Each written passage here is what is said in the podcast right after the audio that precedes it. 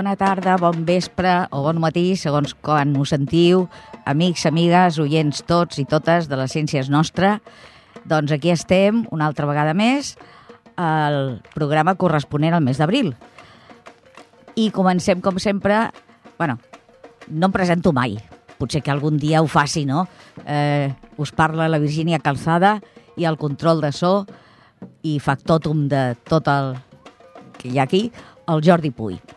Doncs comencem amb les notícies. I la primera és una notícia internacional. Un equip de científics han detectat per primera vegada les zones sísmiques que viatgen pel nucli de Mars, del planeta Mars. I llavors, amb això, han pogut estudiar com és el nucli de Mars, que eh, es veu que és bastant diferent del nucli de la Terra. El, concretament, doncs, van analitzar uns senyals que procedien de eh, la cara oposada al detector, que era un mòdul d'aterratge eh, que es diu InSight, de la NASA, que va estar treballant per allà durant un temps. Llavors, eh, aquest, eh, aquest aparell estava a un costat del planeta i va captar uns senyals d'un terratrèmol que es va produir a l'altre costat. I després, un altre dia, va captar uns senyals de l'impacte d'un meteòrit. Doncs, analitzant aquestes dades, han pogut saber que el nucli de Mars està composat de ferro amb abundant sofre i elements lleugers com l'oxigen i l'hidrogen. És, és una cosa interessant que es pugui fer aquestes investigacions. Una altra, aquesta ens toca més de, més de prop. Ens anem cap aquí.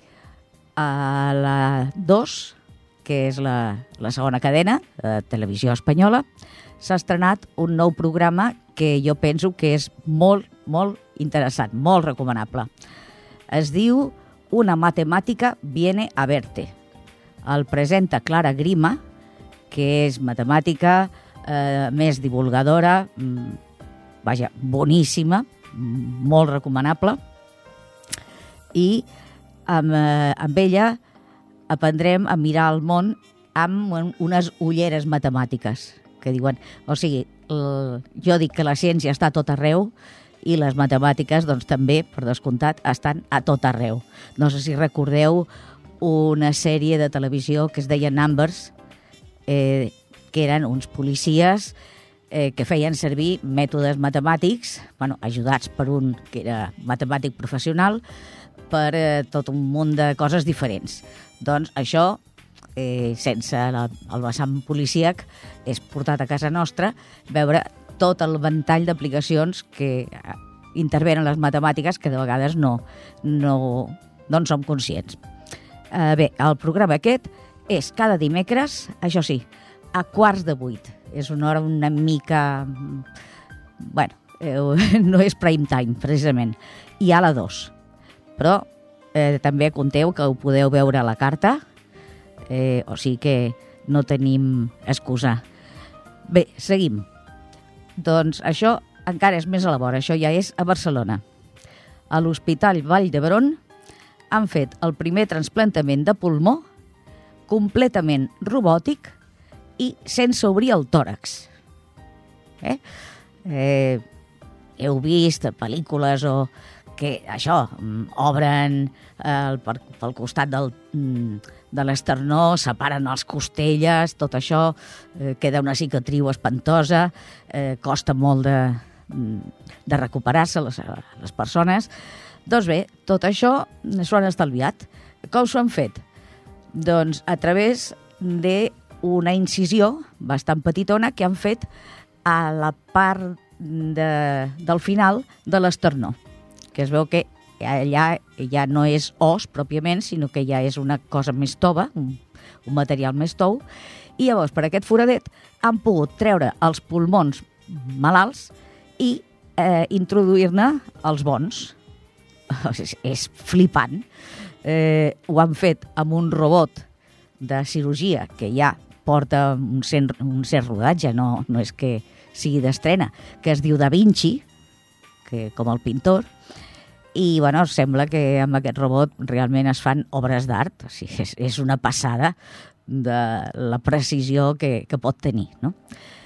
I bé, doncs eh, el cas és que ha anat molt bé, mm, és una cosa pionera en el món, eh, aquest tipus d'intervenció, i per descomptat que eh, serà una cosa, serà la tècnica eh, que es farà servir a partir d'ara, probablement, no?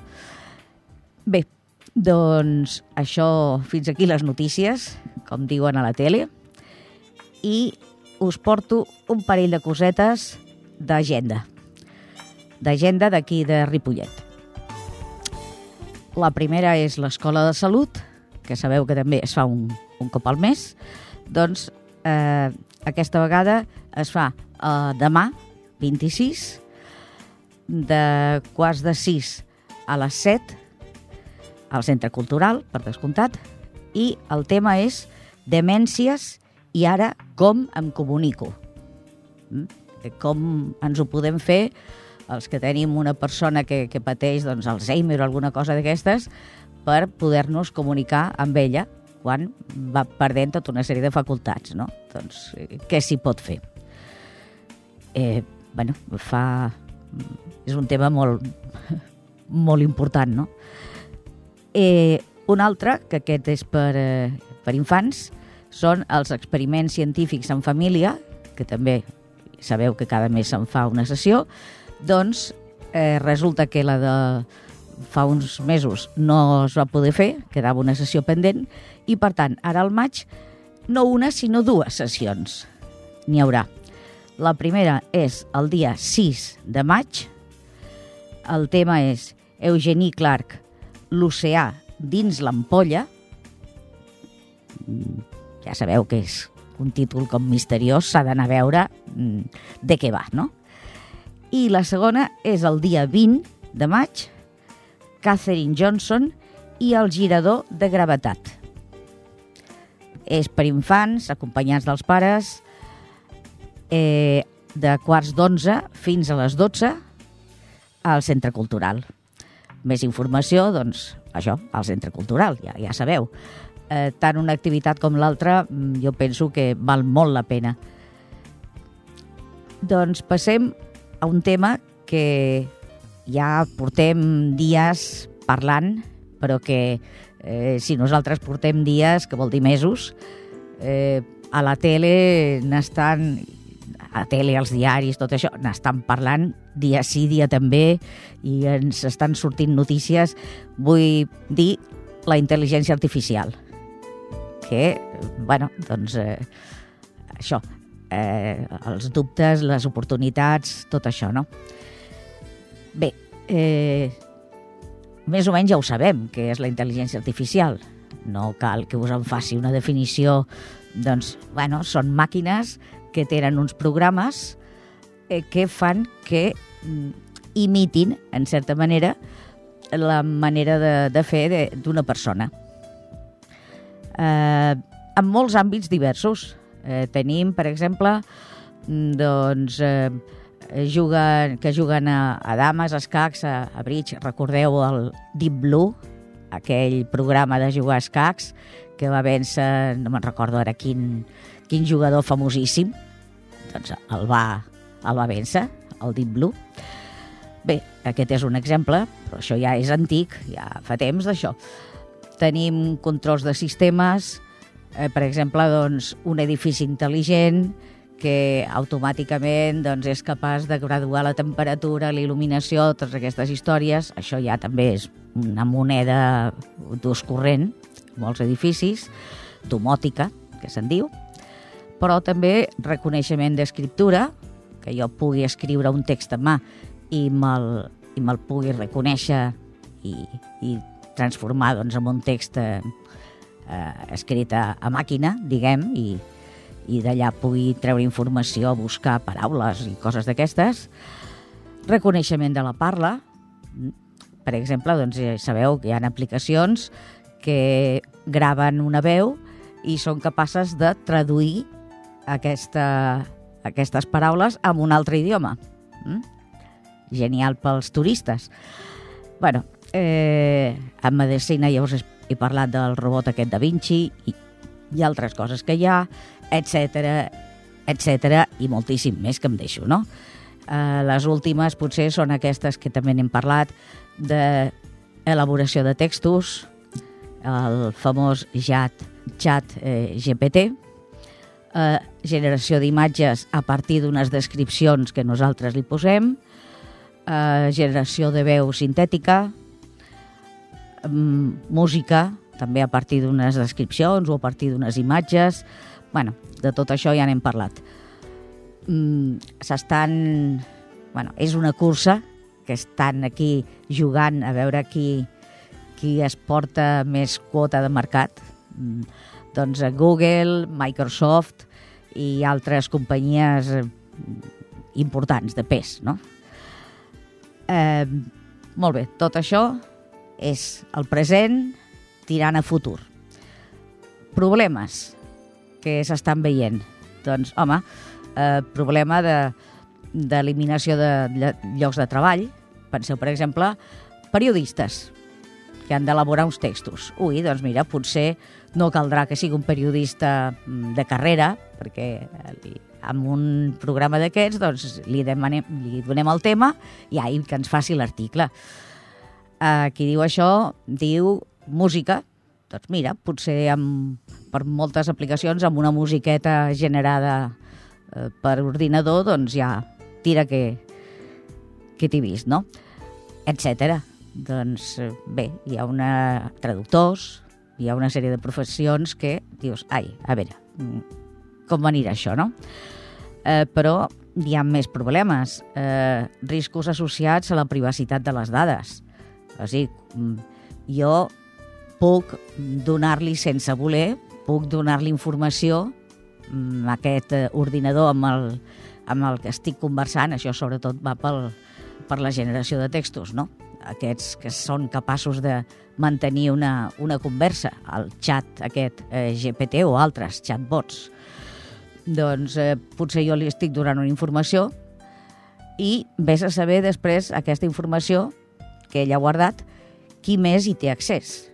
Això, amb un particular, pots dir, mira, jo... Px, però potser amb una companyia mmm, sí que podria ser, mmm, podria ser pelut si un, si un empleat d'una companyia mm, introdueix una sèrie d'informació d'ús intern i després això arriba a la competència, doncs, eh, bueno, podria haver-hi problemes gruixuts, no? Un altre, eh, riscos associats eh, bueno, o més que riscos, interrogants. Molt bé, a aquestes obres, mm, qui és l'autor? Eh, doncs això, no? Mm, jo li he donat unes instruccions i m'ha generat un text. Aquest text puc dir que és autoria meva o de qui és l'autor. Si en aquest text hi ha errades, o hi han coses, eh, bueno, no només errades, sinó coses que, eh, que provoquin un cert eh, perjudici amb algun altre. Qui se'n fa responsable? Mm? Tot això. Eh, un altre, doncs, és, per exemple, la vessant de, de control social. Eh, sabeu que mm, hi han càmeres eh, cada vegada més pels carrers, als bancs, a tot arreu, eh, reconeixement facial. Eh, bueno, doncs mm, això eh, bé, és eh, una font de, de preocupació per molta gent, no? Escolta, tu, eh, de fet ens tenen fitxats, eh, poden saber, eh, doncs, eh, del moment que sortim de casa i els que tenen Alexas i coses d'aquestes dintre casa, doncs encara més. Doncs eh, descobrim l'ull, eh, poden saber tot el que hem fet minut per minut. Mm, si s'ho proposen, no? bueno, bé, eh, llavors, bé, per tot això i, i moltes altres coses, hi ha hagut un grup de científics, un miler, que no és broma, que han fet una carta demanant una moratòria, o sigui, com a mínim sis mesos de parar de fer de continuar amb aquests desenvolupaments, sobretot els més eh, d'última generació, per dedicar-nos a veure com controlem aquesta, aquests, eh, aquesta intel·ligència artificial eh? i quines mesures de, de control de seguretat hi posem. Bé, la carta s'ha publicat, ja veurem si les grans companyies, perquè això, eh, una altra pega, és que ni tan sols està en mans dels governs, perquè són companyies privades. I clar, doncs eh, el negoci és el negoci. Eh, a veure qui està disposat a, a fer una pausa de sis mesos per dedicar-se a fer, a fer ètica. Mm? bueno, mm, nosaltres aquí a Catalunya tenim un observatori d'ètica en intel·ligència artificial que es va crear a finals de juny del 2020 i que teòricament doncs, ha d'estar treballant per fer tots aquests, eh, tota aquesta feina.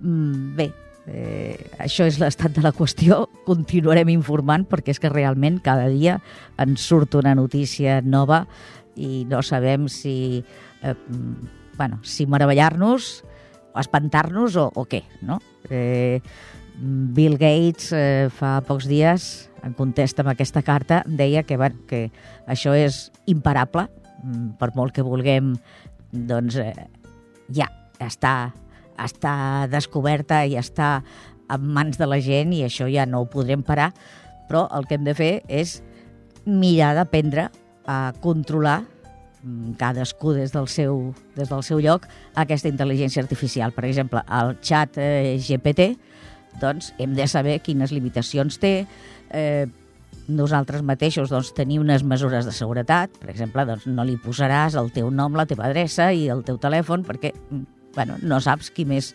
podria tenir accés a aquesta informació. I qui diu això, doncs diu mm, doncs, eh, molt, totes les aplicacions que hi ha i les que aniran sortint. Bé, deixem el tema aquí, però prometo que continuarem parlant perquè això està vist que només fa fet que començar.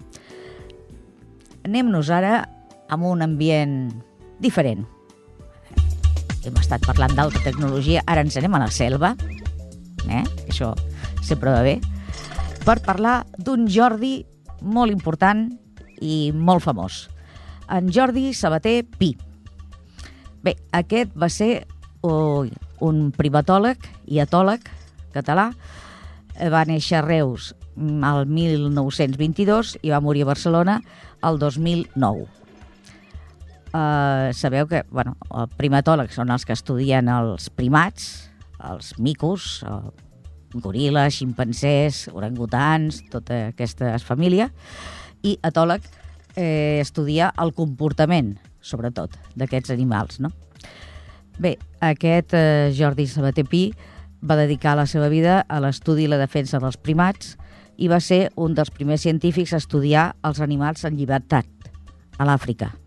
No als zoològics, sinó eh, com es comporten eh, normalment, no? quan estan ells eh, lliures. Bé, eh, ell va estudiar Biologia a la Universitat de Barcelona, es va llicenciar al 48 es va doctorar al 52 i llavors, al 53, 1953, va marxar a l'Àfrica per estudiar els primats en llibertat i va passar molts anys vivint en poblats de caçadors-recol·lectors eh, per observar i estudiar els animals. Eh, llavors, amb, amb aquests eh, estudis de camp, doncs, va començar a formar-se amb, aquest, eh, amb aquest aspecte concret de l'etologia i la primatologia.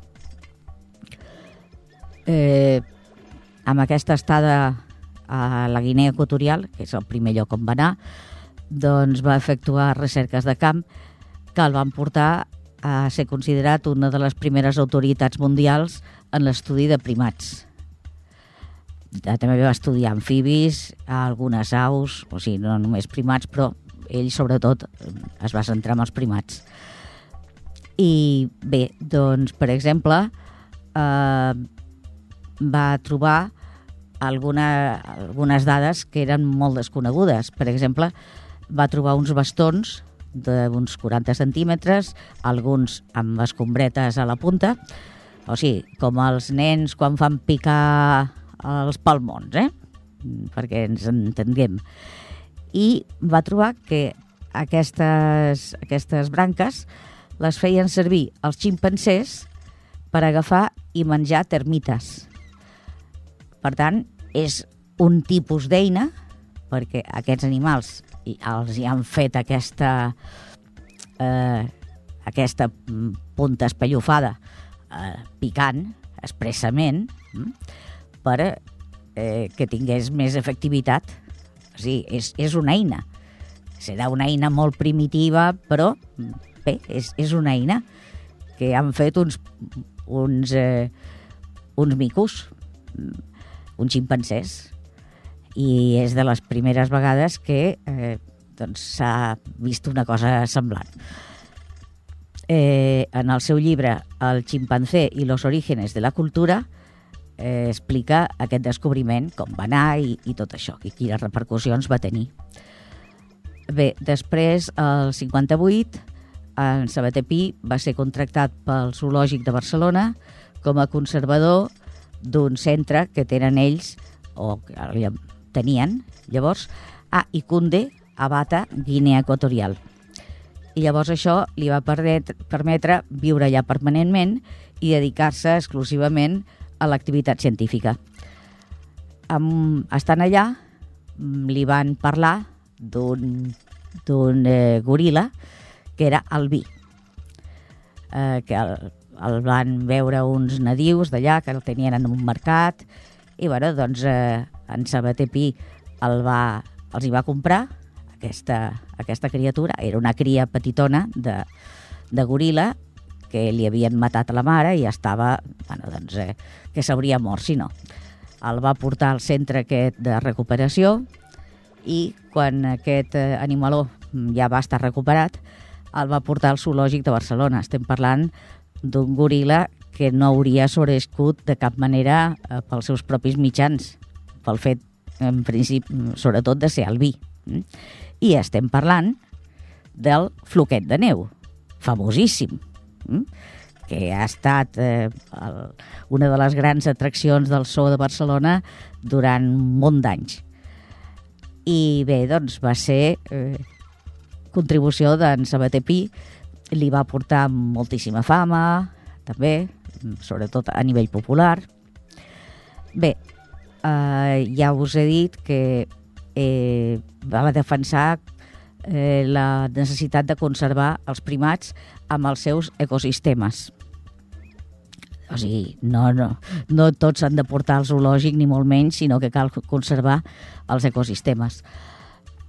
Eh, va ser un dels fundadors del Centre Internacional per a la Investigació i la Conservació de Primats, amb seu a Barcelona, i també un dels membres fundadors de la Societat Catalana de Biologia.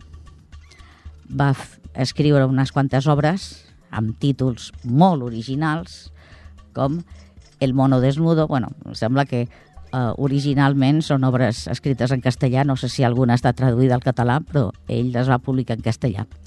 El mono desnudo, el hombre y los primates, los primates, la conducta de los primates, los chimpancés y nosotros.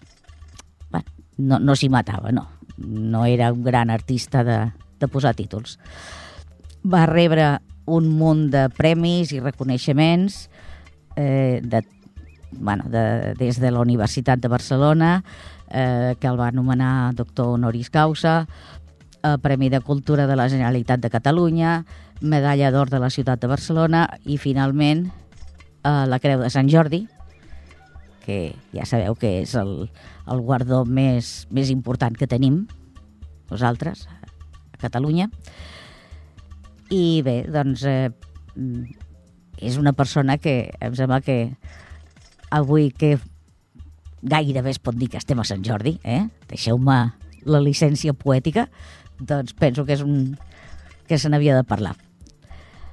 Doncs bé, tornem cap a casa nostra, ara que ja ens hem fet un, una miqueta de volteta per la selva, ara ja tornem cap a casa i tornem a una cosa tan nostra i tan tradicional i tot plegat com són les sardanes. Eh? I, bueno, doncs, eh, us heu plantejat mai si les sardanes i les matemàtiques tenen alguna relació? Perquè resulta que ara sentirem una entrevista que ens ho, ens ho respondrà. Sentim la Núria Pérez, que ens parlarà d'aquest tema. Bon dia, estem amb la Núria Pérez. Hola, bon dia. Eh, jo sóc Núria Pérez, sóc vocal d'ensenyament de l'agrupació cultural sardanista de Cerdanyola Vallès. Sardanes. Sardanes, exacte. A veure, parlem de sardanes i matemàtiques, que sembla que són dues coses incompatibles. Doncs no, la sardana té una part matemàtica que ara la Núria ens ho explica. A veure, les sardanes, jo sempre que l'he presentada en cursos i això, sempre dic que és una dansa democràtica, que pot entrar tothom, i també dic que és una dansa matemàtica, perquè des del primer compàs de la sardana l'estem comptant. Eh, de fet, la sardana està com estructurada actualment, perquè abans eh, era una mica més complicat tot això. Aleshores, la sardana que avui coneixem mm, està regulada per un senyor que era un teòric músic, que es deia Miquel Pardes, i va fer un mètode, que, escrit en català antic, que era mètode per aprender a bailar sardanes llargues. I això va ser l'any 1850. La sardana venia d'un contrapàs, compassos eren molt complicats i tot això, i aleshores va haver-hi algú que va dir, s'ha d'arreglar. I a partir d'aquí es va arreglar, amb 10 tirades. 10 tirades són les parts que consta una sardana. Aquestes 10 parts, 10 tirades, era molt llarg i a Manresa ja es va adoptar a fer set tirades. I ara a molts llocs ja de Catalunya es ballen set tirades. I van estructurades d'aquesta manera les set tirades. Dues tirades de curs, dues tirades de llargs, una tirada de curs, una tirada de llargs, un contrapunt, que això no és una tirada, ara us explicaré el que és el contrapunt, i una tirada de llargs. És a dir, primer de tot escoltem l'introit. Diem l'introit perquè és interpretat per flaviol i un toc de tamborí que és un breu passatge musical que serveix per avisar els balladors de l'inici d'una sardana i per començar a agafar el compàs. Alerta aquí perquè hem d'estar tots a la guai amb l'orella a punt. És a dir, la sardana sabem que es balla a la plaça i, evidentment, a la plaça hi ha sorolls, cotxes, nens, mmm, gent que xerra, etc. Doncs això ja ens funciona, sona a l'introit aquest, i a partir d'aquí nosaltres comencem a comptar els compassos. Comencem a comptar correlativament. 1, 2, 3, 4, etc. I deixarem de fer-ho quan començarem a, a sentir la mateixa música que hem sentit al principi, després del flaviol, que això ens ajudarà molt a saber la primera tirada de curs. Anem a la segona tirada de curs. A la tirada de llars es fa el mateix. Recordant el número de compassos dels curs i els dels llars ja tindrem el tiratge de la sardana. És a dir, els compassos que té aquella sardana que estem ballant. Recordem també que en una sardana les tirades de curs i les de llars són iguals. Les de curs totes són iguales i les de llars totes són iguales. També hem de saber que jo estic parlant aquí de curs i de llars, però que tenim com un punts i finals, per dir-ho així, o unes comes, que això és un 2, un 4, les combinacions d'un 3, un 2 i un 3, 2 2 i un 3, 3 2 2 i un 3... Tot això sembla molt complicat, però a l'hora de ballar no és complicat. Quan estem aprenent a ballar sardanes, el primer que hem de fer és aprendre a ballar. Quan els peus ja ens van automàtics, hem d'aprendre a comptar. I després l'altre pas seria repartir. Els sistemes potser de repartiment, potser seria l'altra part. Sí. Diguem que la majoria de llocs, el més habitual, és l'empordanès, que es caracteritza per acabar les últimes tirades a l'esquerra. Tenim també el salvatà, després tenim un altre, que és el garrotxí, fem servir nosaltres l'empordanès, que és el que més es fa servir. O sigui, eh? nosaltres aquí al Vallès o al Barcelonès, eh, si ens posem a ballar sardanes, seguirem l'empordanès, que és el més comú, no? El més habitual. Vull dir, no, no cal aprendre els altres, mm, no cal. I aquí ve la història de la taula del 8. Fem servir sempre múltiples de 8. Hi ha molt, uns altres sistemes per comptar i repartir. I per això ja entraríem en un altre tema. Però com que veig que tu el que t'interessa és la matemàtica, anem a la matemàtica a la pura i dura.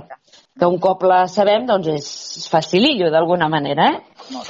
Hem de tenir en compte també que la majoria de les sardanes són senars. Ens ho expliques què té a veure la taula del 8, que són parells, amb uh -huh. això que m'acabes de dir, que són senars. Sí, exacte. D'aquí ve el 3, el 3 famós aquest que t'he dit, ah, vale. per acabar-ho de rodonir. Quan fem curs, gastem dos compassos de música. I quan fem llargs en gastem 4. T'estic dient que tot això és parell. Però, per acabar-ho de rodonir, com que les sardanes són sanes, d'aquí ve el 3, la combinació amb el 3. Per tant, les combinacions aquestes que s'han de fer és un 2 i un 3, un 3, dos dosos i un 3, tres dosos i un 3, sempre que siguin senars, perquè tot això són combinacions per acabar-ho a l'esquerra. Perquè el senyor aquest que t'he dit abans, el Miquel Pardàs, va dir la sardana empordanesa s'ha d'acabar a l'esquerra. Abans del contrapunt s'ha d'acabar a l'esquerra i després del contrapunt s'ha d'acabar a l'esquerra, aquesta és l'altra normativa que tenim, jo t'he dit que fèiem dos de curs, dos de llars, una de curs, una de llars, aquesta de llars s'ha d'acabar a l'esquerra i l'última última s'ha d'acabar a l'esquerra. El sardana sempre s'ha d'acabar a l'esquerra, amb el sistema empordanès. Aquí ja tenim la història que hem de buscar el múltiple de 8. Si sobressin tres compassos, hem de fer un 3. Si en sobren 5, hem de fer un 2 i un 3. De la taula del 8 de tots els números que sobren de la taula del 8. És a dir, una sardana que tirés 75, jo faig, per exemple, 8 per 9, 72. Me'n sobren 3. Del 72 al 75 faig un 3. Si començo amb el peu esquerre i haig d'acabar a l'esquerra, jo faig un 3. Però si començo amb el peu dret, per fer la combinació i acabar a l'esquerra, jo faria dos dosos. És a dir, jo faig llars, llars, llars, llars, i el 68 faria un 2, un 2 i un 3, que si ho sumes, 80, 68, 270, 272 i 375.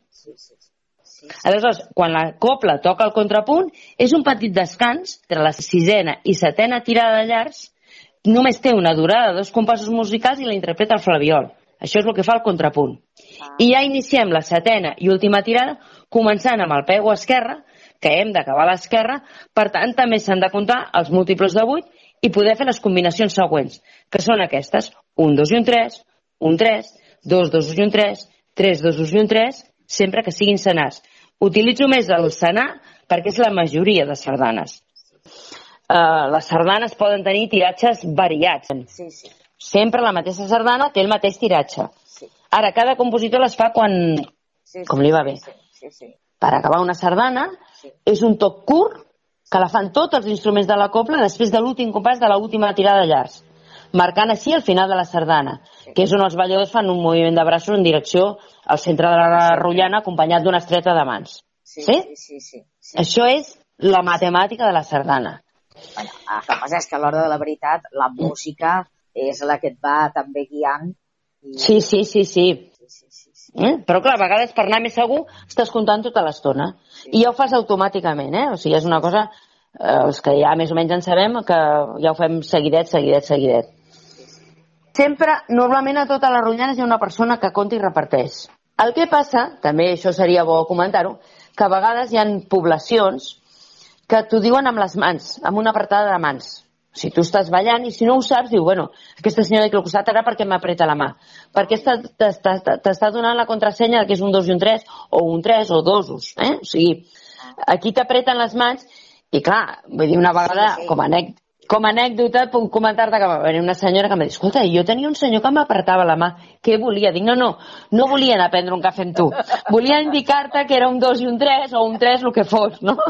I em sembla que em vas comentar que tenies intenció de posar la rosa de Sant Jordi. Sí. D'alguna manera jo t'he intentat explicar-te com la ballaríem, aquesta sardana. Molt bé. O sigui, la rosa de Sant Jordi és una sardana de Félix Martínez i Comín, sí. que té un tiratge que això sí, ja, sí, ja la sabem, doncs us serà més fàcil, que són 27 de curs, 97 de llargs. Sí. Des de les que diem llarguetes, perquè 97 ja, ja són llargues. Eh? La, o sigui, normalment els balladors ens agraden més de 65 a 83. Aleshores, per exemple, nosaltres aquí faríem el curt, faríem 27, sí. i a l'altre 27 faríem un 25. 25 més 2, 27. Molt bé. No? Curs. Anem als llars. Començaríem amb el peu dret, tal com queda l'estructura, començaríem amb, amb, amb el peu dret. Doncs faríem 97 i seguiríem ballant 97. Recordo que els curts són dos compassos i els llargs són quatre, eh? Sí, sí, sí. sí. Aleshores, eh, faríem 97 més 95 més 2, que serien els 97 de llargs. Mm? Sí. Per fer la següent de curs, comencem amb el peu esquerre, que és tal com va el moviment. Faríem de curs un 24 24 compassos de curs, més, el, més un 3, i ja tindríem els 27 de curs. Comencem amb el peu dret, que és el que ens toca, i anem a fer llargs. Aquí, com que s'ha d'acabar a l'esquerra, aquí eh, ve la història d'aquests dos dosos i tres, tal qual, el 88 hem de fer tres dosos, que evidentment són dos compassos de música, més un 3, i ja anem a parar al 97. Ens arriba el contrapunt, que és aquella cosa per descansar braços, tal i qual.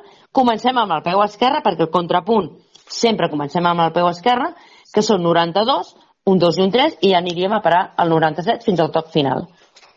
Això seria l'estructura. O sigui, si ara poseu la sardana i us poseu a ballar, heu de fer tot això que us acabo de dir ara i l'acabareu a l'esquerra i ben acabada. I bon Sant Jordi.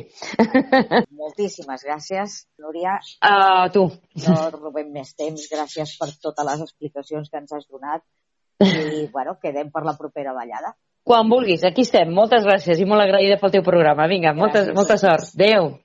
Doncs bé, escoltem la sardana La Rosa de Sant Jordi i mirem de distingir, com ens ha explicat la Núria, les tirades i tot això.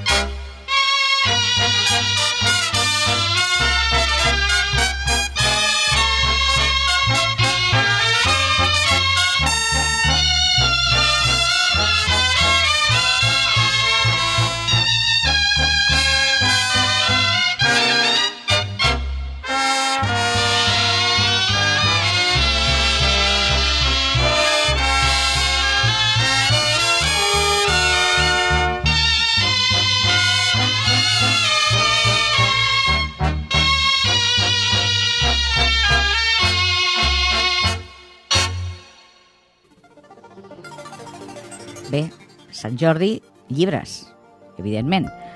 Doncs avui us en porto tres. El primer és d'Antoni Pou, Si un dit assenyala la lluna, de llibres Anagrama. És una novel·la i l'autor eh, es fa la pregunta per quin motiu eh, Italo Calvino, que ja sabeu que és un novel·lista bastant, bastant conegut, bastant famós, eh, assenyalava Galileu com el millor prosista, o sigui, escriptor en prosa. Quan ja sabem tots que Galileu, doncs, eh, astronomia i coses de ciència i això, no? bueno, doncs, per treure l'entrellat d'aquesta pregunta, eh, l'autor eh, comença a investigar, a llegir eh, lectures, eh, literatura de Calvino, d'Italo Calvino, i eh, el que va escriure Galileu. I rastrejant l'activitat eh, intel·lectual de Galileu, intueix que el punt d'inflexió està en la creació i la recreació del telescopi de Galileu. Sabeu que Galileu és famosíssim, entre altres moltíssimes coses, per haver-se fet un telescopi amb el qual va descobrir les famoses llunes de Júpiter. Mm? Bé, eh, doncs, molt bé. L'autor eh, doncs, eh, fa aquesta, aquesta hipòtesi de que des del punt crucial és el telescopi i eh, fa un viatge de recerca i, a més, també un viatge personal que el portarà a Florència eh, fins a arribar al desert d'Atacama, a Xile. O sigui, que sort que és una novel·la, no? Si no li sortiria caríssim. Bé, és tot un viatge d'aventures, de conèixer diferents personatges i, sobretot, d'aprendre un munt de coses de diferents branques científiques a través de les situacions i els diàlegs que surten a, en aquest llibre, a les pàgines del llibre. Doncs ja sabeu que si voleu saber com acaba la, la novel·la, us l'heu de llegir. Uh, si un dia assenyala la lluna, de Tony Pou. El segon és un llibre que jo penso que s'ha de tenir a casa. S'ha de tenir a casa perquè és un llibre molt bonic i s'ha de tenir en paper. Eh, no s'hi val d'agafar-lo de la biblioteca perquè és d'aquests que val la pena tenir. Eh, de fons d'armari, no? Doncs de fons de biblioteca. És eh, escrit i il·lustrat per Rachel Ifnot Ignotovsky eh, i es titula Dones de ciència, 50 pioneres valentes que van canviar el nom. És de la col·lecció Estrella Polar. Bé, eh, ja ho sabem perquè ho hem sentit a dir 50.000 vegades que de, a través de la història les dones de ciència sempre han tingut un munt d'obstacles eh, enmig de, dels homes que gairebé doncs, no podien fer ciència, no tenien mitjans. Eh, sabem del, dels problemes que va tenir, per exemple, Lise Meitner, eh, tan important com va ser, i en canvi no li van donar el Nobel, li van donar eh, al seu company. Eh, D'altres que no els li deixaven entrar a la universitat perquè eren dones. bueno, problemes de, de tota mena. Mm? o, per exemple, la Cecilia Payne Gapoixin, que després de fer uns dels descobriments més importants en l'àmbit de l'astronomia, eh, només li van donar el càrrec d'assistenta tècnica, o sigui, quan hauria de ser la, la cap del departament, no? Bé, doncs aquest llibre eh, parla de Meitner, de Payne, eh, Graposchkin i 48 científiques més i ens parla de la seva època i dels problemes que van tenir i de com se'n van sortir. I bé, doncs és un llibre que el podeu deixar a l'abast de si teniu canalla a mà, eh, ni que siguin fills o filles o nebots, nebodes o el que sigui, doncs és un llibre per totes les edats, grans i petits, però amb ells i elles els pot eh, donar un horitzó nou, no? De, diferent del que hem tingut nosaltres a, als grans i de valorar doncs, eh, aquestes dones que han set les primeres que han obert camí per totes les que ara, en l'actualitat, eh, sí s'estan dedicant amb no tants entrebancs a, a poder fer ciència. Mm? Bé, eh, tenim des de l'astrònoma egípcia Hipàtia, sabeu, la pel·lícula aquella Àgora, eh? eh, fins a la matemàtica iraniana Mariam Mirjansani, que va, ser, va tenir un premi mm, importantíssim, de, el Premi Abel de Matemàtica, si no recordo malament.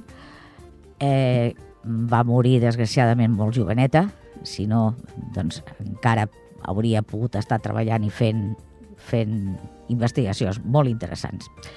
Eh, també parla, doncs, eh, com és vamos, imprescindible, de Marie Curie, Rosalind Franklin, Jane Goodall i també d'altres que són no tan conegudes. Bé, eh, les il·lustracions són precioses, el text està molt cuidat i de debò, de debò que us el recomano mm, com a llibre per tenir a casa i, i poder-lo prestar eh, i poder-lo rellegir. I el tercer llibre, doncs, també eh, li passa el mateix. Jo penso que, que és un llibre que s'ha de tenir a casa, perquè és una obra del mateix Albert Einstein, traieu-nos el barret, hm? i es diu La relativitat a l'abast de tothom, eh? amb aquesta... Bueno, doncs, amb aquesta senzillesa.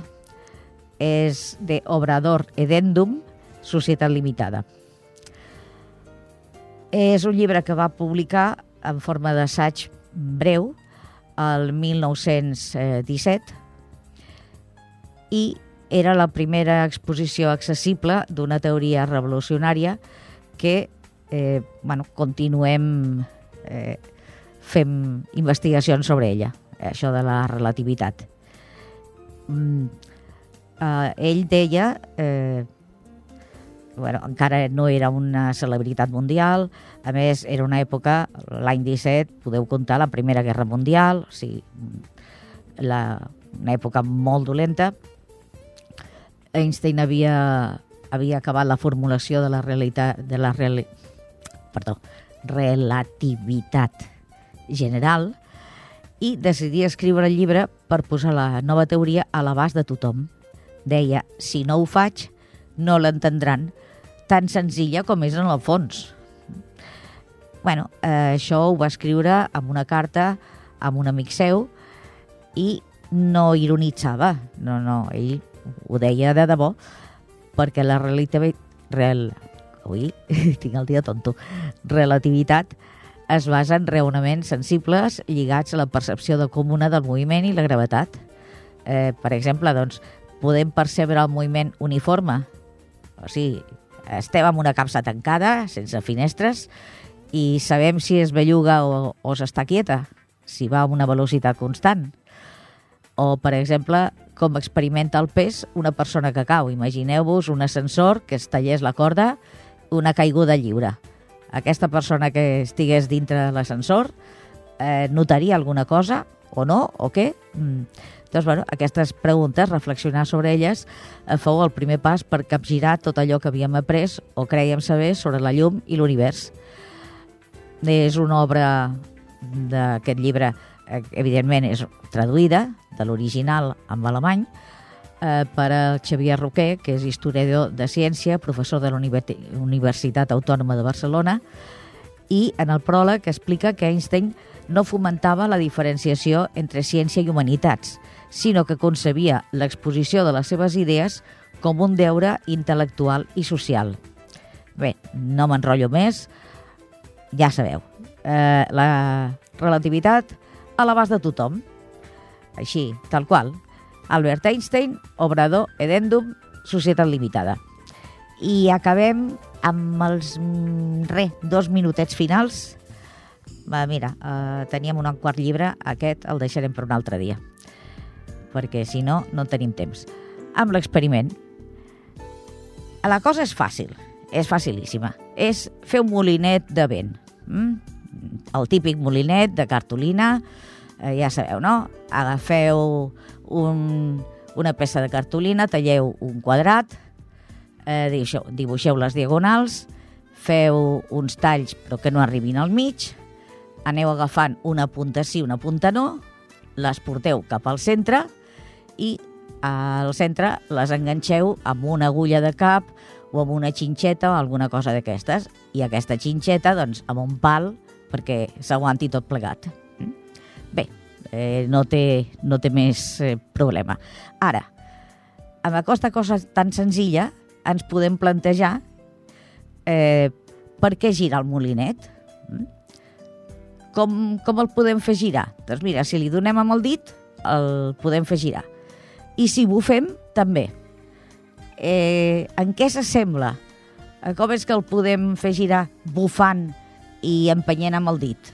Mm? Què passa? Llavors, això eh, ens pot fer reflexionar. Ah, és que hi ha l'aire. Si no fos per l'aire, el molinet no gira. Mm? I l'aire té una massa i aquesta massa és la que, la que fa la força sobre el molinet. Eh, perquè eh, eh, hem de bufar de costat. Si el posem de cara i bufem, no gira. bueno, doncs hi ha tota una sèrie de preguntes de física, diria, elemental, però que ens podem fer i li podem fer doncs, a, a, l'infant eh, a propòsit del molinet. Eh, bé, i si voleu, ja per rematar, doncs agafeu una altra, una altra cartolina i llavors veieu quines parts de la cartolina primera estaven a la vista quan el molinet estava muntat i llavors es tracta de fer un segon molinet però pintant aquests trossos de cartolina que queden visibles amb els, amb els colors de l'arc de Sant Martí. I llavors fer-lo girar.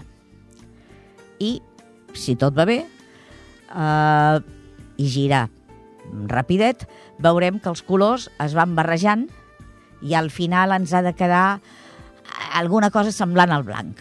Blanc no quedarà, però bueno, eh, i això doncs és la demostració pràctica de que els colors barrejats fan el blanc, o el blanc és la suma de tots els colors. Eh, em sembla que m'estic quedant sense temps, ho deixem aquí. Amics, amigues, a reveure fins al mes vinent i bé, que tingueu que tingueu una bona uns bons dies. A reveure.